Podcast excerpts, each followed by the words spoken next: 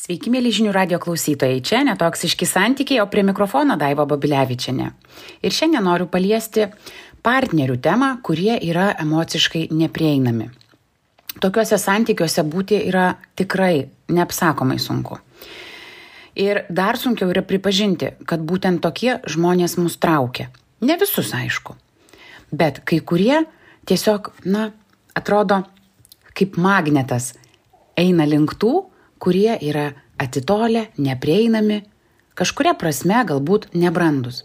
Ir tai yra tikrai susijęs su prisirišimo būdu, kuris formuojasi dar vaikystėje. Bet šiandien ne apie prisirišimo būdą, o apie tai, kaip augant išmokome asocijuoti emocinį neprieinamumą kaip meilę. Bet tai tikrai nėra meilė. Ir kad tai pakeisti, aišku, reikia atsitraukti iš savo vaidmens, kuriame nuolat galvojame, kad mums reikia kažką keisti, taisyti partneryje arba dar blogiau galvoti, kad na va, dar pasistengsiu ir tada jis ar ji norės būti su manimi santykiuose, dar labiau pasistengus mane mylės. Šiuos požymius, kuriuos šios dienos komentarį įvardinsiu, galite naudoti kaip įspėjamuosius ženklus, kad laikas sustoti ir nesivelti į santykius, nes greičiausiai tai reiškia, kad vėl pamažu krentate į tą vaidmenį, kuriame siekiate užsitarnauti meilę na o jeigu esate tokiuose santykiuose kur jūsų partneris yra atitolęs šie požymiai jums padės permastyti savo vaidmenį ir galbūt sąmoningiau tada labiau rūpintis savimi, o nesiekti kažkieno tai meilės.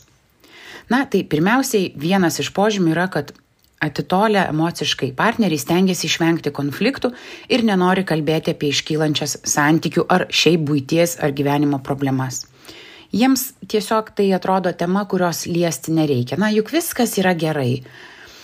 Antrasis požymis būtų tada, kai jų dviejų skirtumai tampa galimybė e, tiems partneriams susierzinti arba galbūt netelkti su jumis nepagarbiai. Juk galiausiai viskas vyksta ne taip, kaip nori jie.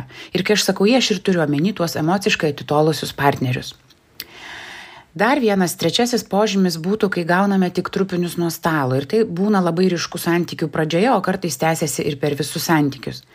Mum numeta šiek tiek atidumo ir dėmesio kad išlaikytų mus šalia tačiau nerodo jokio nusiteikimo investuoti daugiau savo laiko ir energijos į santykius.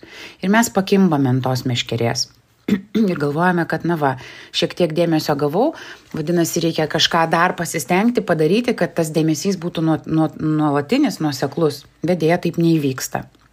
Taip pat emociškai nutolę partneriai nerodo didelio susidomėjimo į tai, kaip jaučiatės, ko norite, ko jums reikia. Apskritai dažniausiai emociškai nutolę žmonės būna susitelkę tik ties tuo, ko nori jie patys ir jie aišku tikisi, kad šalia esantis lankščiai prisitaikys prie jų poreikių.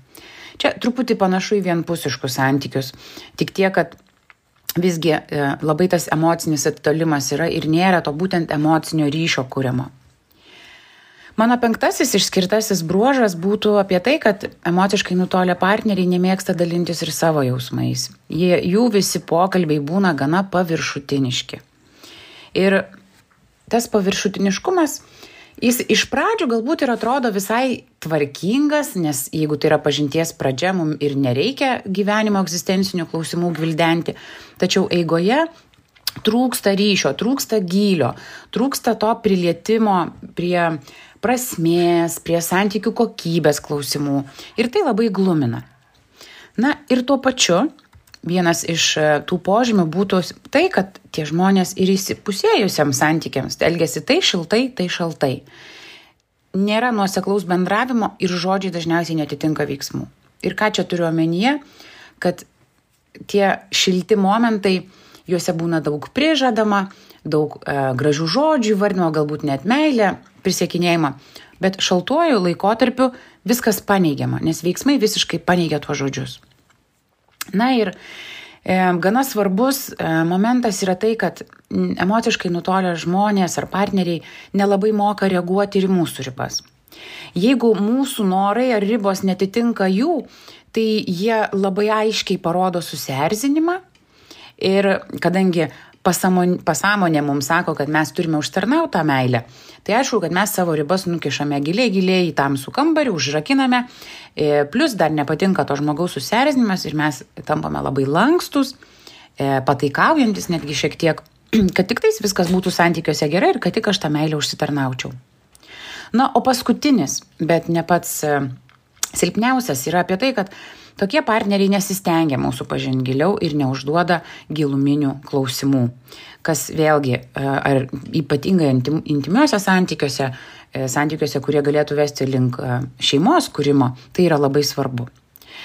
Tai žinodami šitos požymius, turbūt tikrai galite labiau identifikuoti, kokį vaidmenį prisimate santykiuose ir jį keisti. O jeigu šiuo metu esate santykių paieškoje, galite šiuos požymius naudoti kaip, na, įspėjimuošių ženklus, kad okei, okay, jeigu aš pastebiu tai kitame žmoguje, kodėl aš vis dar noriu savo energiją ir laiką investuoti tiem pasimatymam ar pažinčiai, jeigu matau, kad žmogus visiškai nenori skirti energijos tiem santykiam ir tiesiog mėto savo meškerytę. Vienok, jeigu jau esate santykiuose su emociškai nutolusiu partneriu, vėlgi tiesiog svarstykite, kam jums reikalingas toks vaidmuo ir ar tikrai tos meilės užsitarnauti jums reikia. Čia buvo Daiva Babilevičiane ir netoksiški santykiai. Iki kitų kartų.